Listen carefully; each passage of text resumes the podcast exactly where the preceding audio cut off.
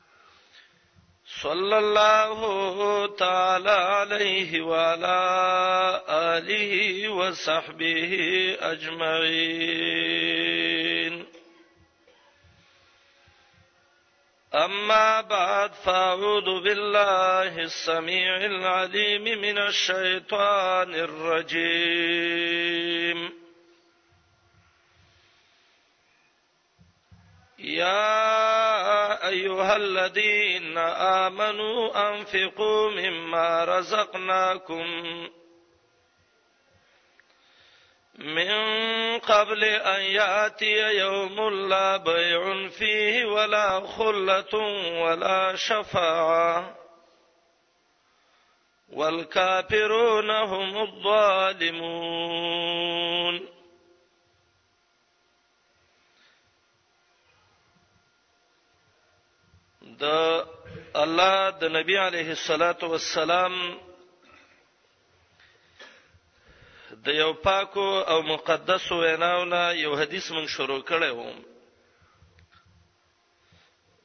او دا حدیث په دې بنیاد چې موږ یو موضوع شروع کړې و چې د قیامت د ورځې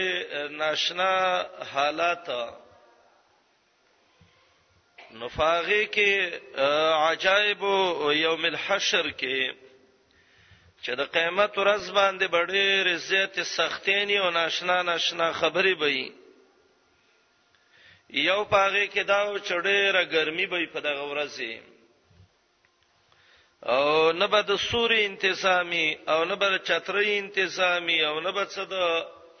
داسې اسباب انتظامی چې داغه په سبب باندې د انسان بدن ته یخواله پیدا شي خو الله رب العالمین یو سوره به پیدا کی یا به د الله د عرش سوري او یا به الله په خپل قدرت یو بل سوري پیدا کی او دا هغه سوري لاندې و قسمه خلق دی الله به د دې د دې ګرمایش په یخوالی باندې بدل کی یو پاغي کی انصافی بادشاہ او امام عادل دویم پاغه کې وشاب نشا فی عبادت الله هغه ځوان چې هغه ځواني کې د رب العالمین بندگی کړې ده او خپل ځواني خواهشاتو کې نه د خرج کړي بلکې د الله په مرزات او د الله په خوشحالي کې خپل ځواني ختمه کړې ده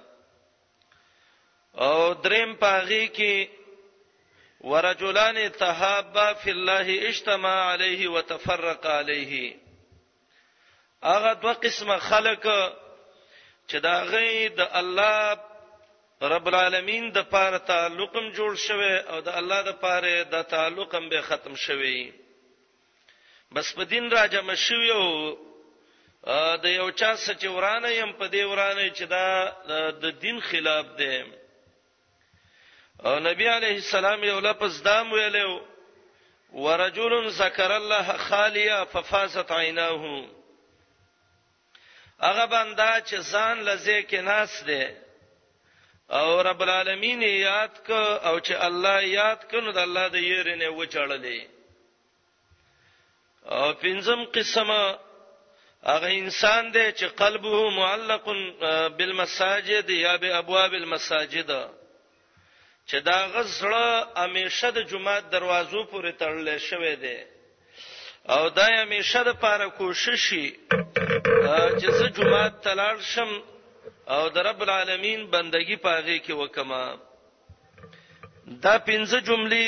په پنځو خطبو کې د الله په مدد باندې څه معمولی معمولی وضاحت د دې شوی وو او دې کې زمورونو مقصد هم دا و چې منګ او تاسو دغه د خیر صفاتونه ځان کې پیدا کو چې الله رب العالمین د قیامت ګرمي د حشر د عرش د سوري باندې الله بدل کی دو خبرې دي کې نورې پاتې دي دی وو کې ان شاء الله اغا یو بنن ذکر کو او یو به آینده خطبه کې د الله په مدد باندې ذکر کو شپږم، هغه انسان چې هغه الله له د عرش د سوري د لاندې ځای ورکوي نو نبی علیه الصلاۃ والسلام وی ورجل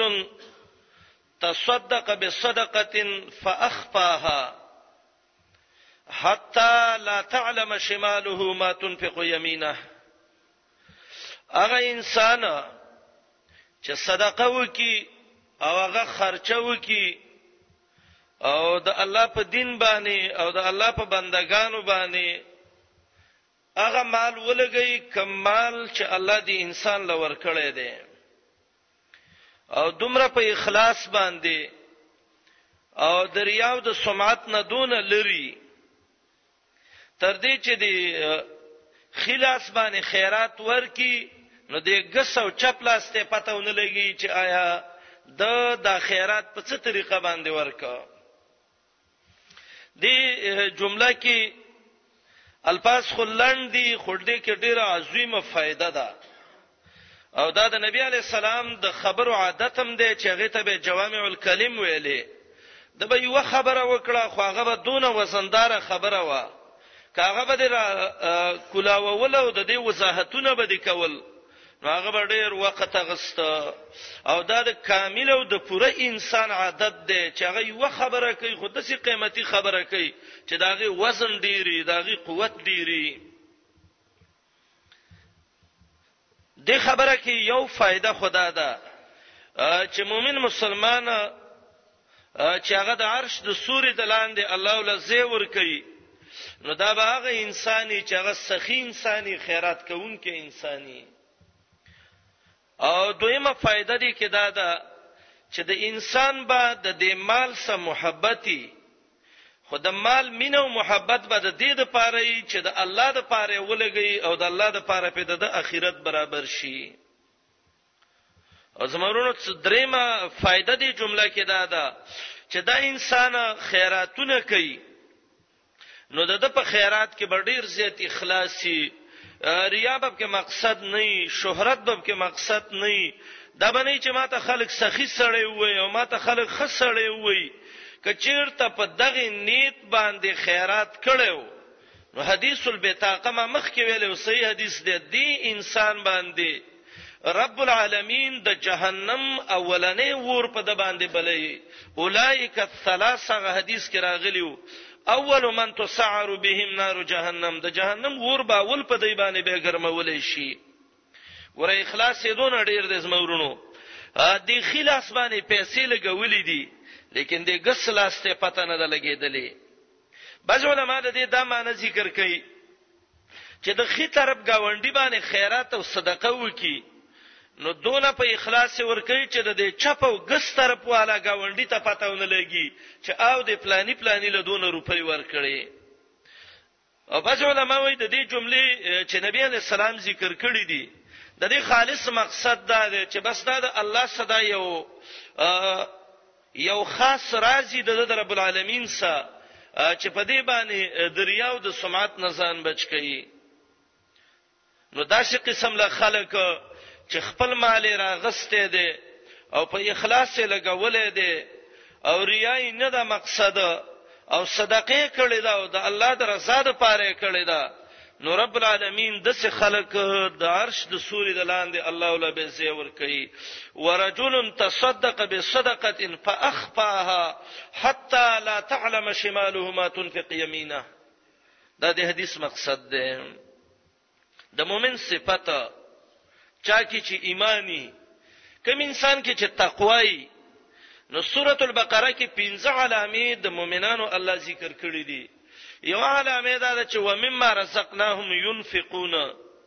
کم مال الله وی چې مال ور کړی دی نو دا مال به د الله د رضا لپاره خرچه کوي زما ورونو دا مما رزقناهم کی زکات نه دی مراد ځان لا بعض خلک وایي د دې معنی دا چې زکات به ور کوي قران کې اتو زکات الله جدا لفظ ویلې واقیم الصلاه واتو الزکات منظم کوي او زکات هم ور کوي د عموم د دغه آیات نه دا معلومیږي چې دغه آیات کې یوازې زکات نه ده مراد بلکې د مؤمن صفت ده چې دا به انفاق کوي انفاق یو ډیره زیاته جامع او عجیبه کلمه ده. انفاق ډیر انواع دي. زکات چې دی دې ته منفاق ویل کیږي. یو مسکین له ډوډۍ ورکول دې ته منفاق ویل کیږي. یو غریب له جامع کول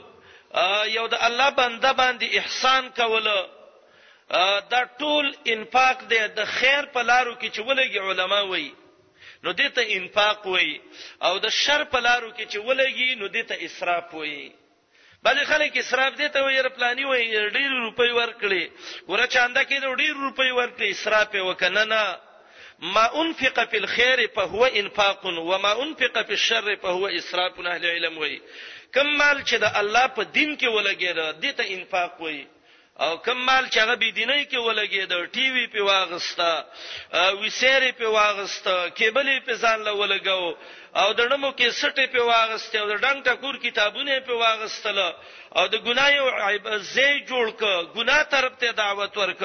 د ټولو ته اسراف وي د ته مبذرین وي دا خلق الله سورته بنی اسرائیل کې وي دا مبذرین کانوا اخوان الشیاطین در شیطانان ورونه دي بس څوک چې غلطه طریقه باندې مال لګي تاسو دا وپیژنئ چې د سړی شیطان له ورورې لاس ور کړی دی دا شیطان د په دې زړه باندې قابض دی د د زړه او دماغ د شیطان د حرکتو یو اړه ده ګور په ناروا او ناروا په مالونه ولګول خیر کې چې ولګي د ته زمورونو اسراف نه ویلې کیږي د ته انفاق ویلې کیږي صحابي راغله او څه زړې زړې جامې وي د الله نبی علی السلام ته وی پیسې خو سوشته کنه وی وی فلیور علیک اثر النعمه د الله نعمت په ځان ښکارا کا زمونږ دا بعضې ډېر ساده ګان وروڼه دی په دې سوچ کې یاره پلاني ښایسته کپړې واغستې او په ځان یې خرچه وکړه ګوره اسراف یې وکړه او بعضې وایي ریا یې وکړه دا د الله نعمت دی دا دې په تا باندې ښکاره شي فلیره علیک اثر النعمه حدیث کې راغلی دی دا د الله نعمت ځان باندې ښکاره کا او دا انفاق یو دونه جامعه کلمه ده دا حدیث ته چې کله انسان وګوري نو تاسو په الله یقین وکړئ چې رب العالمین دې بندگانو ته ډېر د خیر لارې را کولاو کړې دي زمرونو خپل کور ته وړه راوړي بچو له وړه راوړي ډوډۍ راوړي ترکاری راوړي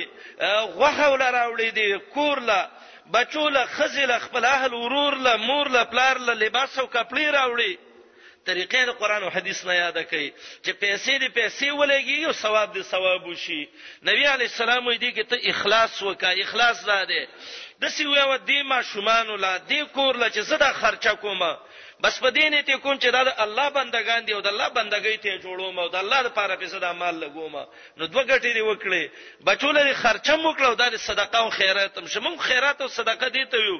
چې دی ګونه باندې او دا شنه لوګي خيږي او دا خلک ته راتاوي او بس د غرب او غروب جوړي نه نه شریعت ډیره سیته معاملات سره کړی دا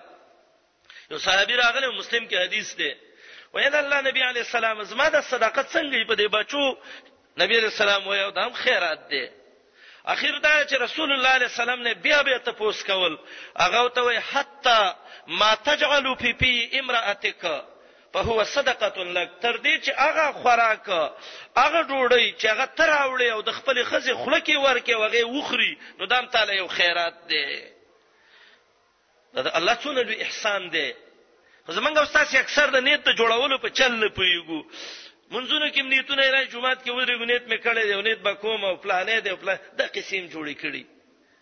امام مالک سموي مرقات کې مولا لقاری ته نقل کړي په حدیث زین عمل اعمال بالنیات کې چې لس لا کنه زیت منځونه محمد رسول الله کړي دي خدای نه دی ویل چې نیت کوم او نیت مې دی دغه د زړه قصد دی دغه صحیح اخلاص او نیت په صدقه کې وکړه چې تعالی الله رب العالمین اجر درکړي قران او حدیث مجالسو کې کینې د قران او د حدیث چې چا بیان ولته کینې ولادت دنیا او د آخرت خیر به واخلي ګورمنګ ډیر کرتی د سکور کې چې وای وړ ختم شوې دي او ترکاری نشته نو خو وګوريګو نو دا غیر آباد و چې اردا څه مصیبت باندې وختي او پلانې ختم دی او پلانې ختم دی او پلانې د دې بجلی بل ورکه خو په دې فکر ورکه چې خلکو ته منځو کې قران تلاوت وکي په دالم ثواب دی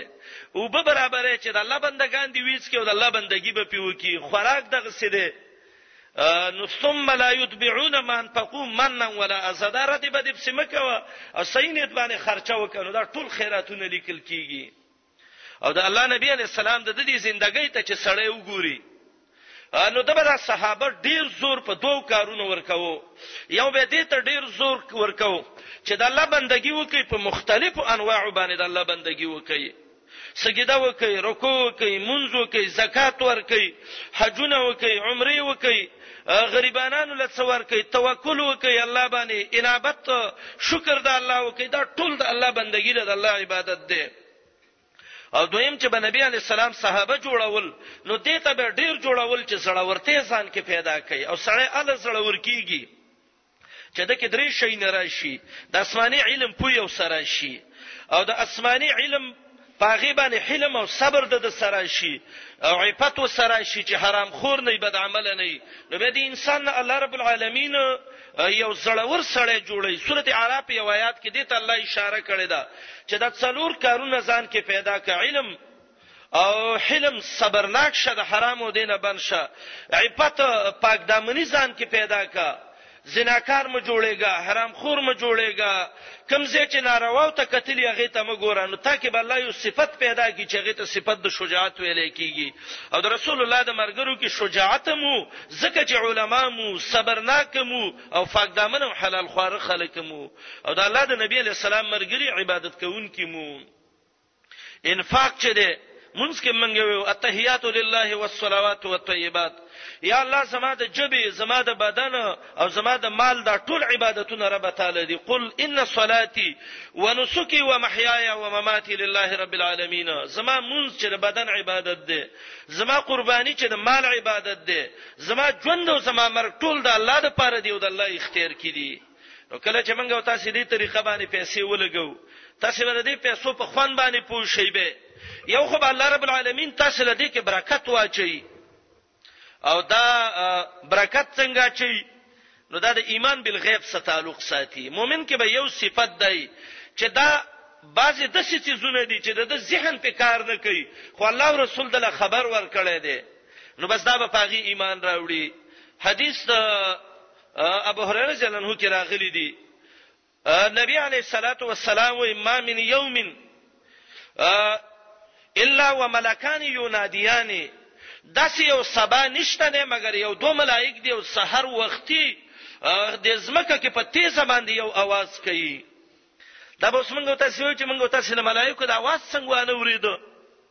اکثر دا بعضی جهالت نیونکي خلک چې هغه ډېر ناپوهه وي که ته ورته حدیث ووایې چې حدیث کې راځي چې کله د مؤمن د لمونځ کې امین ووایي او د ده امین د ملایکو د امین سره برابر شو نو الله ته بخښنه کوي نو دوی به دا حدیث ته ستاو راتاو کین نو خلکو ته وای تاسو کله د ملایکو امین واورید نو د ملایکو امین په پټه دې زمنګ دم په پټه دې کنه نو وروره ته خو د حدیث باندې ځان پوهه کا دا ستا خواته ملائک دا سپونه نه دي دا حدیث کې دی چې فإن الملائکه یؤمنون فی السما اسمان کې ملائک امین وي دویم ستا په دی وګو باندې ملائک نه ستا د کم ملائک د قلم کشار واورید او غلی کل کوي بل دا ملائک چغي وي دا دوه ملائک ارسار आवाज کوي اللهم اعطي للمنفق خلفا واعطي للممسك تلفا اې الله چې څوک مالونه لګي رب العالمین دا مال ول ډیر کې اللهم اعطي للمنفق خلفا یا الله نور ولا ورکه رب العالمین واعطي للممسك تلفا الله چې څوک په ځان نه لګي او د الله په بندگانو نه لګي رب العالمین الله تعالی دغه نور مالم تباہ او برباد کې الله تعالی ورکی ځان باندې خرچه کوئ مؤمنانو باندې خرچه کوئ گاونډینو باندې خرچه کوئ یو حدیث کې راځي لیس المؤمن د الله نبی علی السلام وی والله کغه سړی ایمان پکې یشبع چې هغه خمول دی خې کپړې یې چلی دي وجاره جائع الی جنبه او د گاونډي وګی دی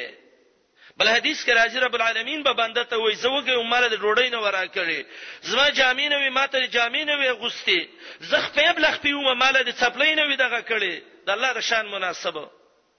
دا به یا رب العالمین د څن قصه ده وستا گاوند کې زما مؤمن بنده او نیک بنده وږي او ته په ګډه موړ خو ته داغه سوچ نه وکړي تا خپل لباس برابر و خو د هغه کپړو ته دې خیال نه و کړی او ستا خپلې څپلۍ او شوشه برابره وه خو د بل غریب دې خیال نه و کړی. د دې وجې نه الله مؤمنانو ته وایي، یا ایها الذین آمنو، ای ایماندارو، انفقوا مما رزقناکم، دا مال دله ما درکړی یم، دا زما مال خرج کړئ که نه؟ او د سی اور سره روانه ده ګوره من قبل ان یاتی یوم لا بیع فيه التب تجارتونم نه یغسل خرڅول ولا خل د چاندی والی به مو دوستانه بم کار نه کوي ولا شفاعه او سفارش بم نه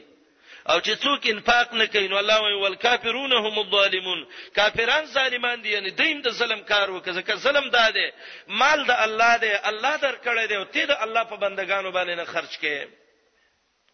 او دا صفت به موږ او تاسو د رسول الله علیه الصلاۃ والسلام نه یاد کو نبی علیه الصلاۃ والسلام چې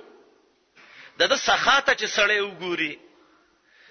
نو د دې وجه نه هغه يهود او نصارا هغه مشرکین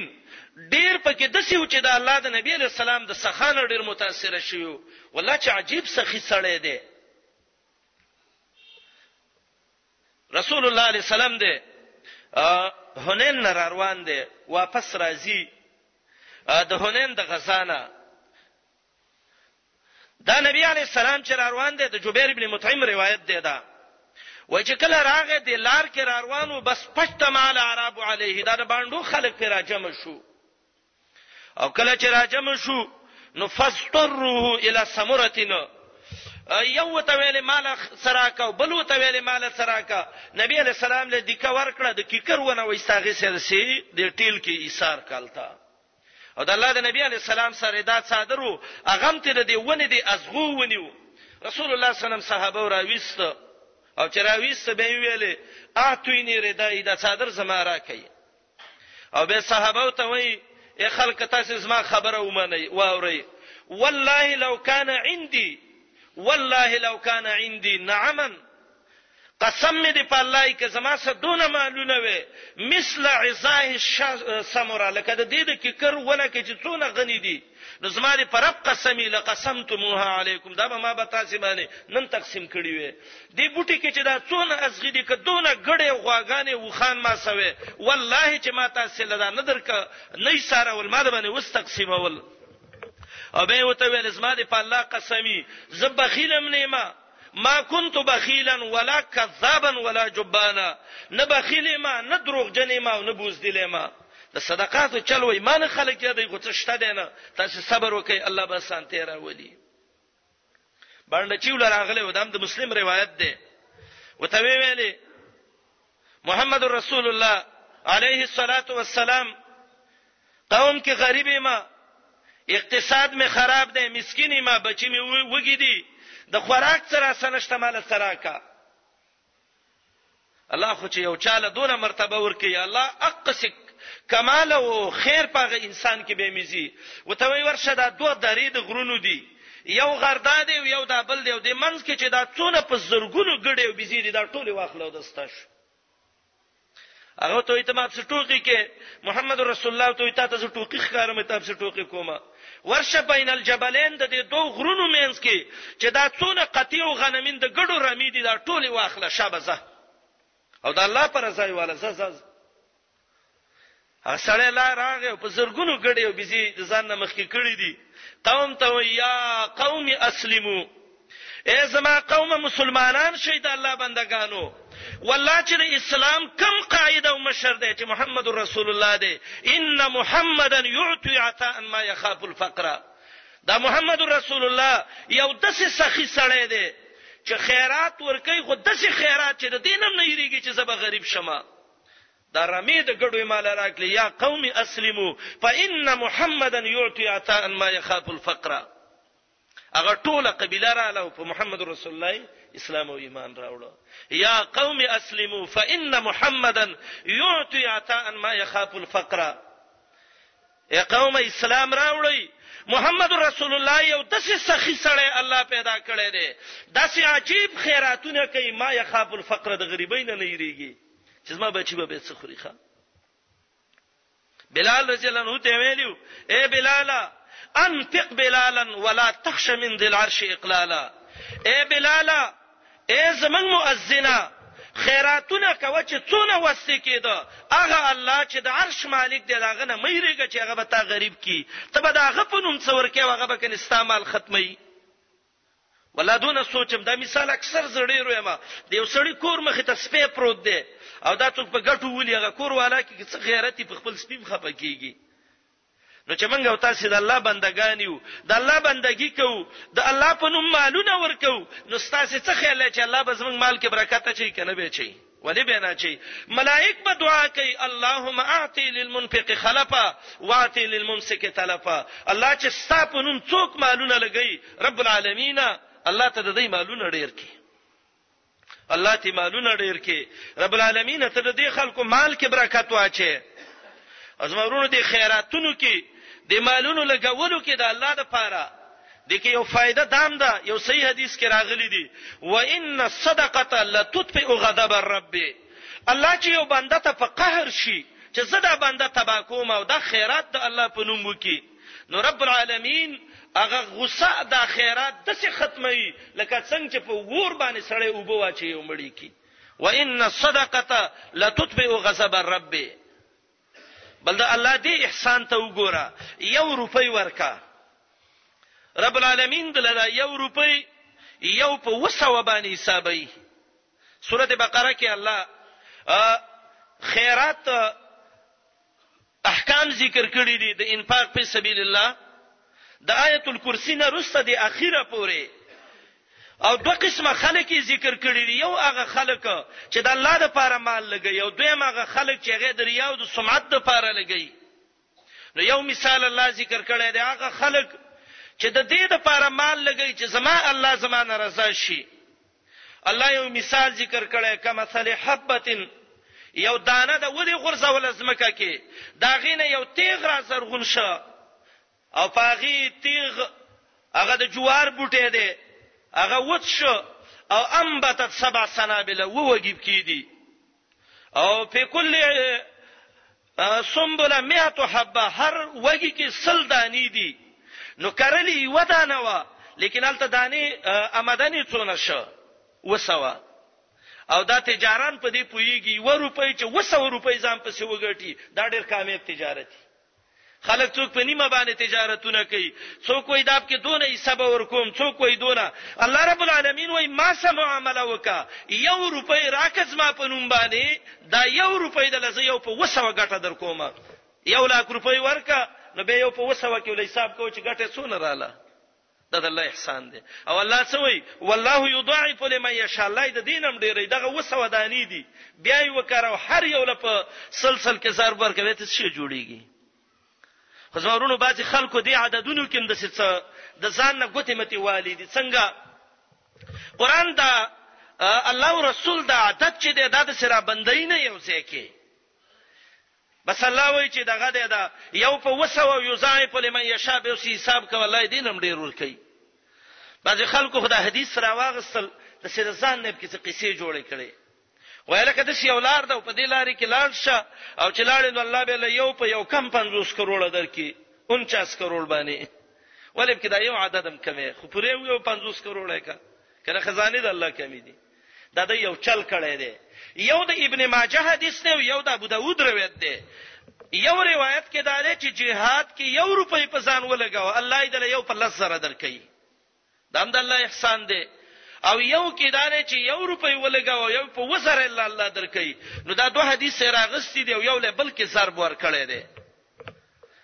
نو چې سر به ولور کړو دا غینه 49 سره ایستلې دي اول خدای چې الله او رسول ته ته د ضربونو کوم ځای کې اجازه درکړې ده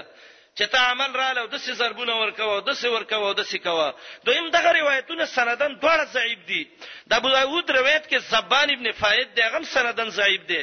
او د ابن ماجه روایت کې خلیل ابن عبد الله او دغه ورور دی هغه دواړه ضعیف دي نو یو ضعیف نه قبل ضعیف کې سر بور کې څه شی به جوړ کې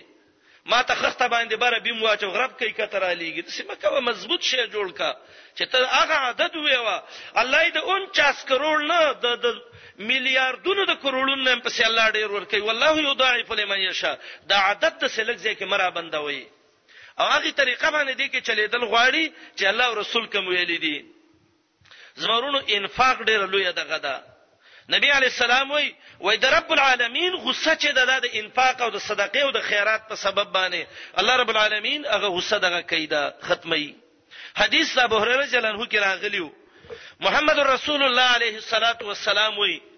اذا مات ابن ادم او بعضو روایتو کې اذا مات الانسان راغلی دی یو انسان چې کله مړ شي نو دا انسان ان قطع عنه عمله الا من ثلاث د د اعمالو دروازه بالکل په ټپه بند شي د الله نبی علی السلام یې عمل بنديږي بځې ویره وي اوس مونږ کې لګې دي قبرونو کې ولاړ دي به دروازه کوم ځای کې بنده شوې ده او بځې وای چې نه روح راغله د بلې په سر ناشته لکه وظیفه ورکې ګوره چې وګي ونه لګي نو چې ستاره پلار روح راشي او ستاره بلې په سر ناشته او باران هم وریږي او کته نه راکوزي ته ډېر سخت ساده سړی چې هغه باران ته ډوړی کړي چې دلته وخره او ځان له ناشته په بلستانو کې ویټرو ته ناشته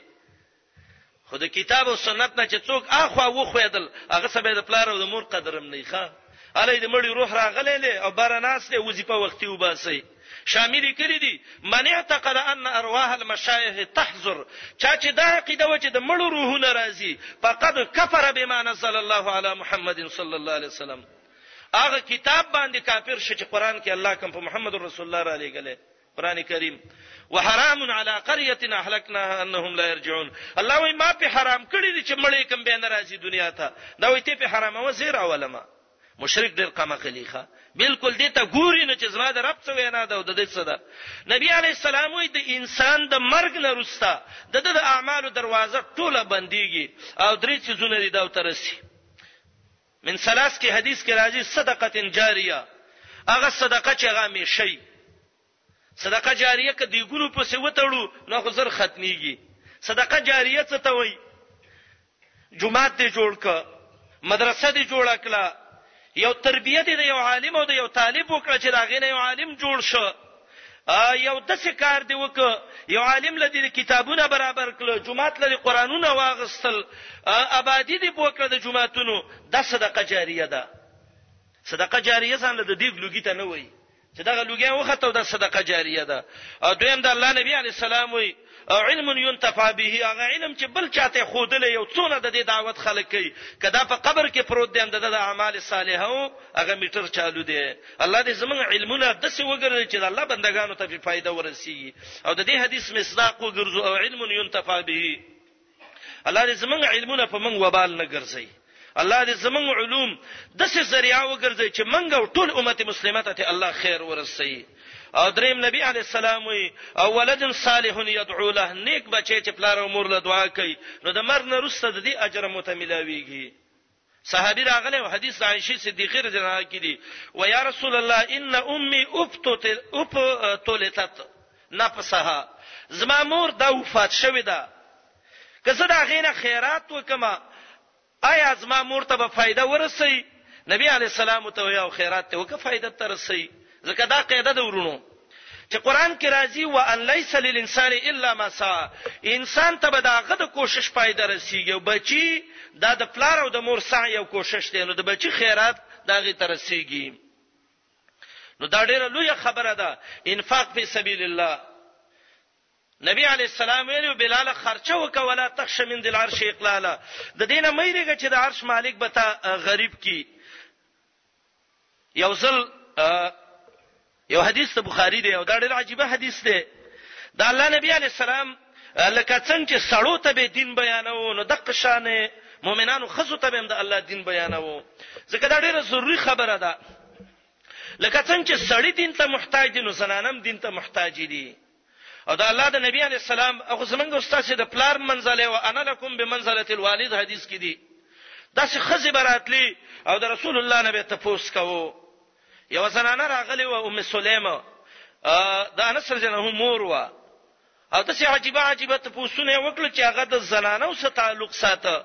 نو د نبی له سلام بیبی ناسته او ام سلمہ هغه ته وی فزحت النساء یا ام سلیم ام سلیم خزیده و شرمولې ته پوسونه کې رسول الله ته غصه شو ته ویل دا د انصارو ډېری مؤمنې خزې دي لم يمنعهن الحياء من الايمان ایمان په دونه باعث دی چې دنیوي حیا هم اخوا کړی دته رسول الله عليه السلام به صحابه ته یو دغه کوو دا بیان به کو صحابياتو د بهم کو ابو هريره جنو یو ورځ د اختر ورځ وا وای مونږ چې وک وای به مسلمانانو خزو ته بیان کو او دا ډېر عجیبه حدیث دی بعضو روایتو کې دا چې د اختر نه ما سوا بل ورځ و خو تعارض نشته کې دې شي دوزل دا واقع شوی دریزل شوی ډیر کرته بد الله نبی علی السلام د سي بیانونه کول مسلمانانو خزوتا وای زی ځان ثبوت لما او زی غاړه ته ودرولما او نبی علی السلام د الله حمد او ثنا ویلې او به مسلمانانو خزوته ویلې تصدقنا ای مؤمنانو ښځو خیراتونه وکئ ډېر، فإني اوریتکن اکثر اهل النار، زه الله بوتلم او جهنم یې راته وښود چې دا جهنم دی وګوره او ته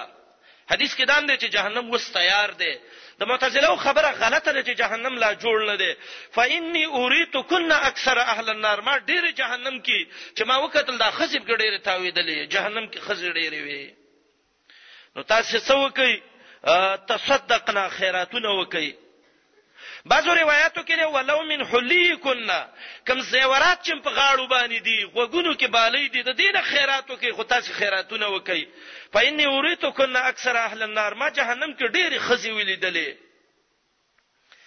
نو یوه زنانه ورته راپاڅېده، ویې د الله نبي علیه السلامه! دا موږ ولې جهنم ته ډېر یو؟ زموږ کې څه چل دی؟ موږ خو هم د سړو په شان انسانان یو. نو نبي علیه الصلوة والسلام وایي، تاسې کې یو درې داسې خطري مرضونه دي چې دا درې مرضونه انسان جهنم ته راکاږي. یو په هغې کې دا دی چې تکثرن اللعنه، یو بل باندې لعن تان ډیر وی وی چې کینه کینه لعنت یو په لعنت یې کینه وی یو په لعنت یې پاتسوي دا ډیر سړیم دا د لعنت کلمه وی دغه د خزو خیب کې راغلی تکسرن اللعنه او ډېری مؤمنې خزي الحمدلله دا کلمه نه وای دا خوش کلمه ده لعنت څه ته وای البعد عن رحمت الله د الله د رحمت نه لري واله دا چاته مه وایه چې په تا دې د الله لعنت وي. هغه خلک چې قرآن او حدیث کې پرې لعنت شوی دی، داسې ویې وایي، پلانی کار چې چا وکړ، د الله لعنت پرې کېږي، پلانی چې وکړ، پلانی چې وکړ. خو شخصي چاته علما وایي، داسې لعنتي مه ویې وایي، پلانی ته لعنتي او بل لعنتي، دا ډېره خوشې کلمه ده. دا باید سادهګان د دې خبرې دی، لعنتي او خنزیر او سپی او. نه، نه، دا خبرې د خولې برابرول غواړي. تکثرن اللعن.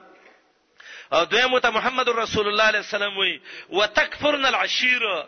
او تاسو چې کوم گاونډي مرګره دي چې خاوندم دي داغه نه شکرې کوي دا خبره صحابيات په سمې پوي نه شوې چې د خاوند څنګه نه شکرې کوي نو نبی علی السلام وی لو احسنت الی هدا کن دهرا کې یو خاوند یوې خزه سره ټول عمر احسانات وکي او ثم رات منه شیئا څه معمولي نقصان ترې ویني نو سمدستي ورته وایي ما رایت منک خیرا قط علما وایي نکره په سیاق د نفي کې راوړې د ډېر عمومي کلام پیدا کړي د کور ته چې راغلم والله کستانه می خیر لیدلې بس همیشه شر دی او تی شر دی او تی شر دی او تی ما رايت منک خیرا قط ما بالکل تا نه خیر نه دی لیدلې نو د الله نبی عليه السلام استاسي عقل کم کمزوري ده او دين کې هم کمزوري ده مېشت کې داسې ورځې راځي چې تاسې مونځ هم نه کوئ او روژې هم نه نیسئ نو دین هم کمزوری دی او عقل هم ستاسې کمزوری دی د حدیث کې یو عجیبه نکته ده یو عجیب لفظ دی کې ما یو رساله شروع کړې ده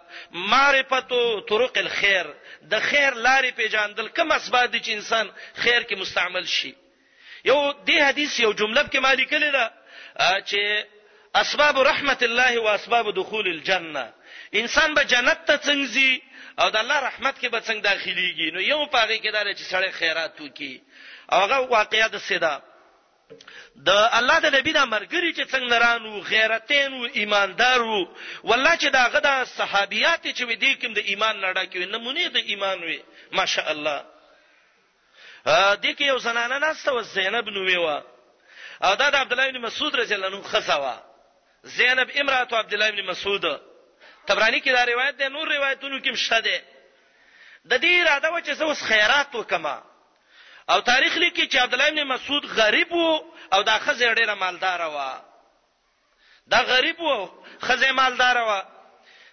خو د دې ذهن کې دا جوړه وه چې که خیرات کوم هم د خاوند نه به یو ځل تپوس کوم او دا د کاملې ښځې صفت دی نو راله کور ته په منډه باندې نو ته ویلې ابن مسعود زه به تاسو یو خبره وکم خبره بدای چې د الله رحمت کې به داخله شم وادخل به الجنه او جنت ته به په الله داخله کی عبدالله بن مسعود وایي، دا څه شی دی چې د الله رحمت ته پرې رسېږي او جنت ته پرې داخلېږي؟ وایي، د الله نبي علیه السلام وویل چې تاسې خیراتونه وکړئ، نو جنت ته به مو الله داخل کړي او الله به درباندې رحمتونه وکړي. نو عبدالله بن مسعوده! که ستا خوښه وي او خپه کېږې نه، نو زه به خیرات وکړم. نو عبدالله بن مسعود هم ماشاءالله داسې مؤمنې ښځه چې نو د هغې خاوند به هم څه وي؟ عبدالله بن مسعود، صحابه وایي، کنا نشبهه بداود، موږ به ویل دا د دې امت سم داود علیه السلام دی. او د ونې نه لنډه وه، خو کنیف ملئ علما، سم د علم یوه کوټه وه ماشاءالله. او دې ته به ابن ام عبد ویو، صاحب السواک والمطهره، د نبي علیه السلام پسې به مسواک او د لوټه د اودس ګرځوله، خادم یو. پیرانو ته چې نبي علیه السلام تقریر کاوه لیلة الجن کې عبدالله بن مسعود یې بوله او ځان سره. ناشنا سړیو یو ځل صحابه ته ویل ارضی لکم ما رضی لکم ابن ام عبد عبد الله بن مسعود چې دا په کم دین د ته خوشاله دی دا تزمام خوخ دی نو دا عبد الله بن مسعود ته وی زینب دا مال ستاده او تی مالک او ته په وسه الله رحمت او جنت ته رسیږي او عبد الله بن مسعود به دا بد وګڼي چرې زدا نه غنم بد نو معلومیږي دا چې د زنانه او خیرات کول دا سبب د جنت د تلو د الله د رحمت د حاصلې دوه دی نو عبد الله بن مسعود رضی الله عنه د خزې ځان څخه خیرات را واغس دغه ډیر وړو کې خیراتونه نه وخه ابو هريره وای ما صادر وغړو او یو خپېټه راته ډک شو هغه ټول پکې څو الذهب والفضه سره او سپینو او په خمه په شاره واړو به مې وړ بیت المال لا نو دا زنانه وي زینب چې زه د اړه کې مې د سراله چې زما د خاوند د قران طالبم دی عبد الله بن مسعود او دا الله د نبی شاګردم دی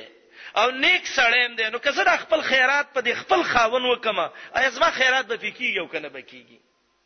نو راله نبی علی السلام عبد الله بن مسعود ته ویلې ابن مسعود ته لاړ شه او محمد رسول الله ته ویوا چې زما خزه زینب وای زه خیرات کول غواړم عبد الله بن مسعود عالم دی طالب د قران دی د محمد رسول الله خادم دی زما خاوند دی غریب دی آیا زه په خپل خاوند خیرات وکم او کوي نه کم او کوي کم ثواب به ملاو شو کوم ملاو بنشي نو کله زمونږ استاد چې خزه مونږ ته د سی وای د سپمنډه برکو ته کینه زر راځم او جواب درته راوړم عبد الله ابن مسعود ناشنا سره او صحابه خيار خلق الله اختار الله لصحبه نبي ولاقامه دينه وتوي زينب هغه وای دا الله نبی خو زما واستای یو شان د پلار حیثیت لري خیرات تکه کزي کومه نو هغه ته وای زی کو نو چې ته کې په ماڅ زور دی ته پوس ورځ خپل ته پوسته وکا دته خنا ویلې کیږي ښا د سینې چې څوک څه تر خو کوي چې څه برا کې او تب څه ور ټوب کې دم لخ پښانه نه نه استغنا پکار ده نبی علی السلام وی چا چې استغنا وکړه الله به غنی کی او دا بیخی چې همیشه سړی په دې کې چې سراک او سراک حکیم ابن حزام یو ځل سوال کړو رسول الله ولور کې به کړو به وته ویل حکیمه الید العلیا خیر من ید السفلی لاندینه لاس د برنی نه غوړه ده بل لې ورکړه همیشه بل تلاس منیسه او دا عجیب صحابي وو شپېته کال جهالت کې تیر کړو شپېته کال اسلام کې تیر کړو نبی علی السلام ته ویلا سراک بیاد سکم والله لا اسال احد ای چانه به سوال نکوم او حکیم ابن حزام هغه صحابي وو تاریخ لیکي چې ولده فی جوف الکعبه د کعبې منځ کې پیدا شوی وو مور یې طواف کوو او ایسا الله رب العالمین د کعبې منځ کې حکیم ابن حزام پیدا کړ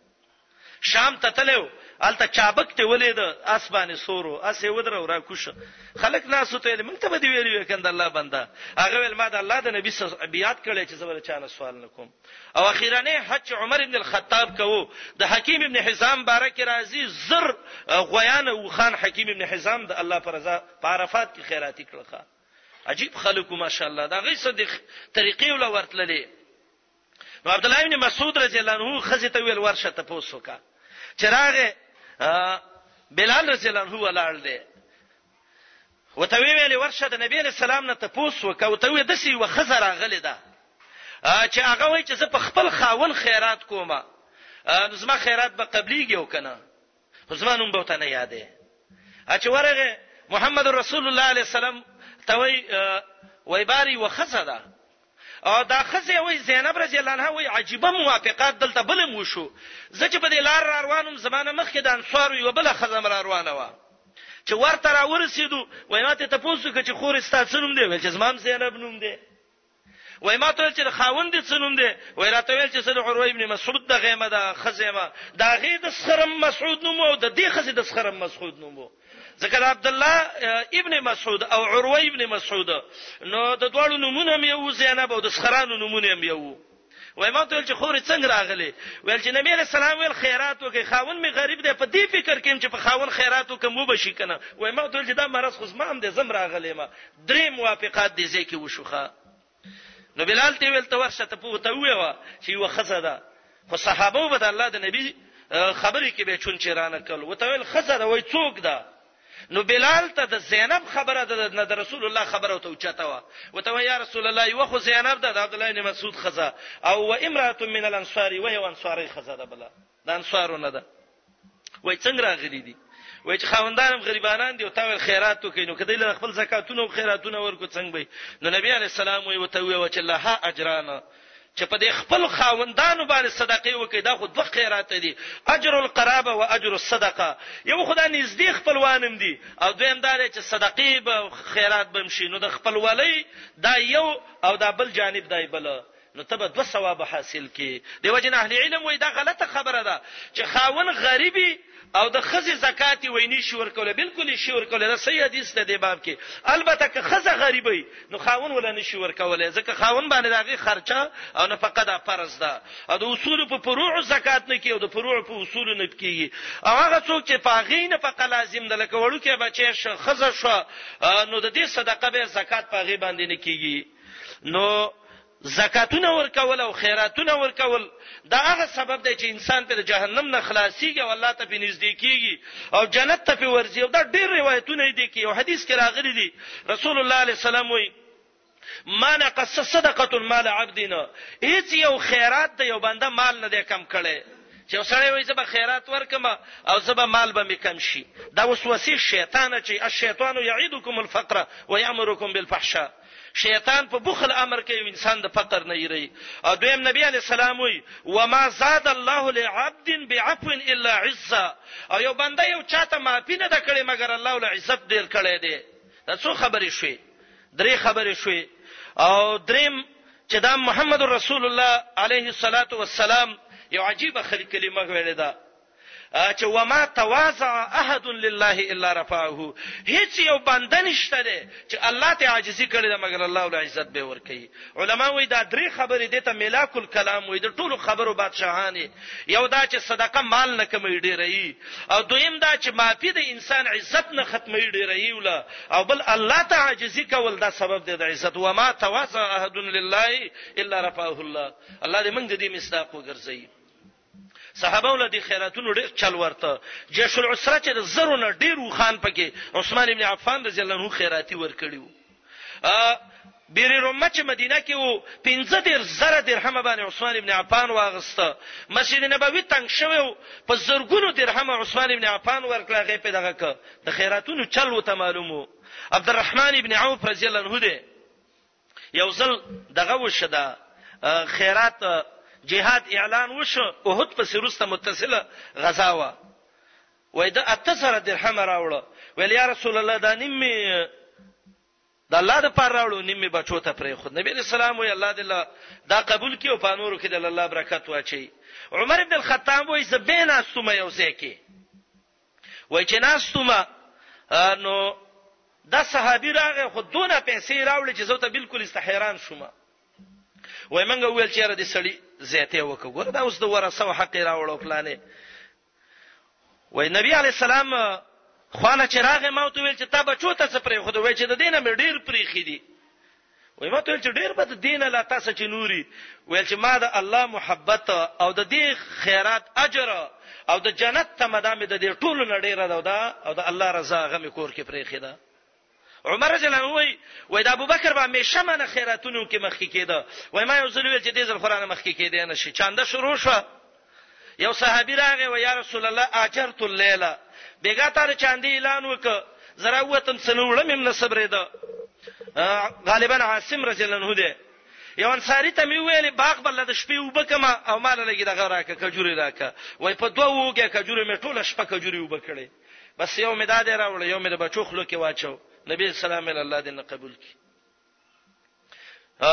عمر رضی الله عنه وی ما ډېرې پیسې راوړې وړکې ما چې نن به دا اول نمبرې ته اخلي غالبا دا غزوه تبوک ده و چې را مې وړې وای نبی علی السلام راته ویل چې عمر څونه مال وای مال چې نیم می دار وړو نیم می کور کې پر الله دې نه قبول کړي ابو بکر صدیق به سي پیش کړي و ته ویل ابو بکر کور کې دې سپرې خو دې وای حب الله او حب رسوله د الله او رسول مینا مې پرې خدا او نور هر څه مې راوړې دي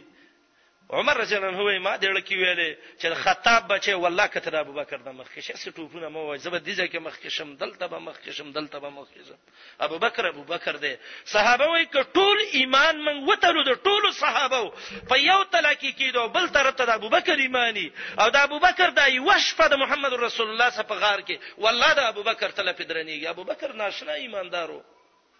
دې وجې نه اهل علم یوه خبره ذکر کوي چې ټول مال سړی شي خیرات کولی او که نه شي نو یو روایت د لوبابه ابن منذر رضی الله عنه باره کې راځي د بنو قریظه په واقعې کې وګدا واقعیا ده چې دا, دا ویلی زما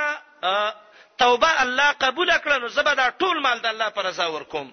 کعب ابن مالک چې د تبوک نه روسته شوی و، نو هغه هم دا ویلي و، زما د توبې نه به دی ان انخلع من مالي، زه به دا ټول مال د الله په رضا ورکوم. رسول الله لبابه ابن منذر او کعب ته وایي چې سبا دې ورثه او بل چا ته لاس نیولی، یتکففون الناس، چې ورغوي نیولي او سوالونه کوي، نو خیر لک من ان تذرهم اغنیا. د هغې نه دا ده چې ته په درېیم باندې څه خیراتي ورکه او څه هغو ته پرېږده. او ابوبکر ته یې څه ونه ویل. ولې؟ د ابوبکر ایمان ایمان و، د ابوبکر پوره اعتماد جوړ و. که د یو سړي دونه اعتماد جوړ وي په الله باندې، هغه به یې ټول هم شي ورکولی. او له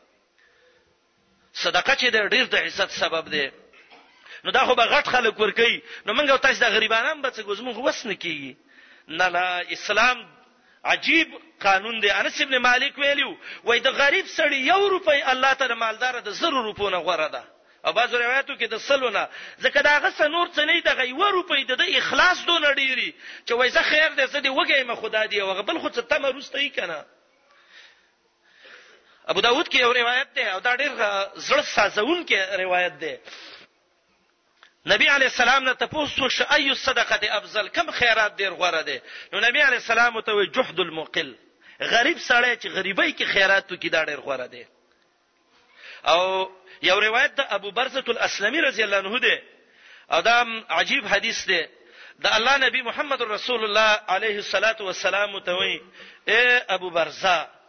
و ان الکسرا، یوه ماته ټوکړه د ډوډۍ چې د الله په رضا یو مسکین له ورکې، لتربو عند الله مثل احد، د الله په نزد د احد د غر عمره الله یې غټوي داسې ښه اخلاص باندې خیرات شوی.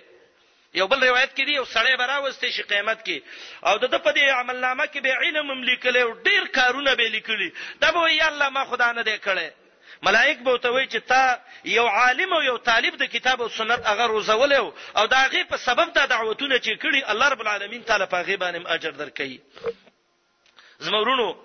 که دا خویندې مسلمانانې دي که دا سړي دي که هر څوک دي دا یو سوچ ځان سره وکړي زه نن کور له د سلو روپو مثلا سودا راوړم زه به د دې نه خیر دی ډېر وس به مې نه کېږي یوه روپۍ به یو ګوټ کې کېده به یوه به اوس سبا شي یوه به بل ورځ بیا به راوالم یو مسکین غریب له به یې ورکړم دا زړه د دې سخا سه عادت کول غواړي به به الله رب العالمین موږ او تاسو خپل بچو له کپړې اخلو لاسو بچو لم واسي وو چې یاره د سي یتیمانان به د سي غریبانان به چې داغو مسکینانو به شي هم نه راځه خیر دې دا یو جوړه به کې ساغوله واخلم دې ته جهد المقل وي الله دې ما او تاسو کې دا صفت پیدا کړي مال دقه مال دی رسول الله صلی الله علیه وسلم وی انسان وی چې مالی مالی مالی مالی دا زما مال دی زما مال دی زما مال دی بعضو روایتو کې دي د زمکه باندې چې ودرېږي او دا وایي چې دا زما دی دا زه ما غسته وي دا زمکه وخاندي چې څوکیدار مې یو څو ورځې به پلار دیم د سویلو دا زما دی غت شور شوی ګوره مالی مالی مالی او نبی علیہ السلام وی لیس له من ماله الا ثلاث د مال درې حصے د ترسیږي یو دا ما اکل فاپنا چې په حلاله طریقې وخوړله او وی ګټله دام د مال دی و ما لبس فابلا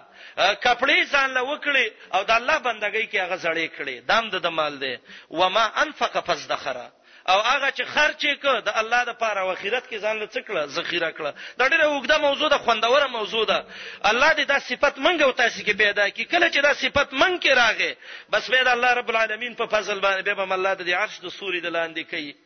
او بیا دې کې د علماو لږ اختلاف دی چې دا صدقه په پټه ورکول ښه دي او که په ښکاره باندې ښه دي. نو بعضې علما وایي دواړه طرف ته وچلېږئ، په ښکاره کله خیرات کوئ چې نور خلک ترې عبرت واخلي او په پټه یې هم کوئ چې هغه ستا او د الله منځ کې یو راځي. او بعضې علما وایي نفلي صدقه په پټه ښه ده او زکات ښکاره باندې ښه دی. چې نور مالداران د هغې نه عبرت والی نو د الله نبی علیه السلام دی وو کسانو کې یو دا ذکر کړي ورجل تصدق بصدقه فاخفى حتى لا تعلم شماله ما تنفق يمينه او یو پاغه کې پاتې شو نبی علیه الصلاۃ والسلام وی وم کس پاغه کې دا دی ورجل دعته امراه ذات منصب وجمال یوه ښځه ده، د ښه منصب والا ده، د ښه ښایست والا ده او یو سړي له د زنا دعوت ورکړ یا یو سړي یو زنانه له ورکړ او هغه ویل زه د الله نه یریږم، د بدعملۍ نه ځان ساتم. د دې به ان شاء الله که مرګ را مخکې نه شو آینده جمعې پورې زموږ ژوند وو ان شاء الله دا به بیا په بله خطبه کې وو د الله په فضل باندې. دا زما ورونو! د خیر زینه دي جمعهتونه دي کې کینی او د مجالس سلیمان دلته موږ شروع کړی دي کې حاضری کوي چې د خپل ایمان نه سړی خبر شي ان شاء الله اینده کې دا یو موضوع ډیره مهمه ده چې د الله په تقدیر باندې ایمان راوړل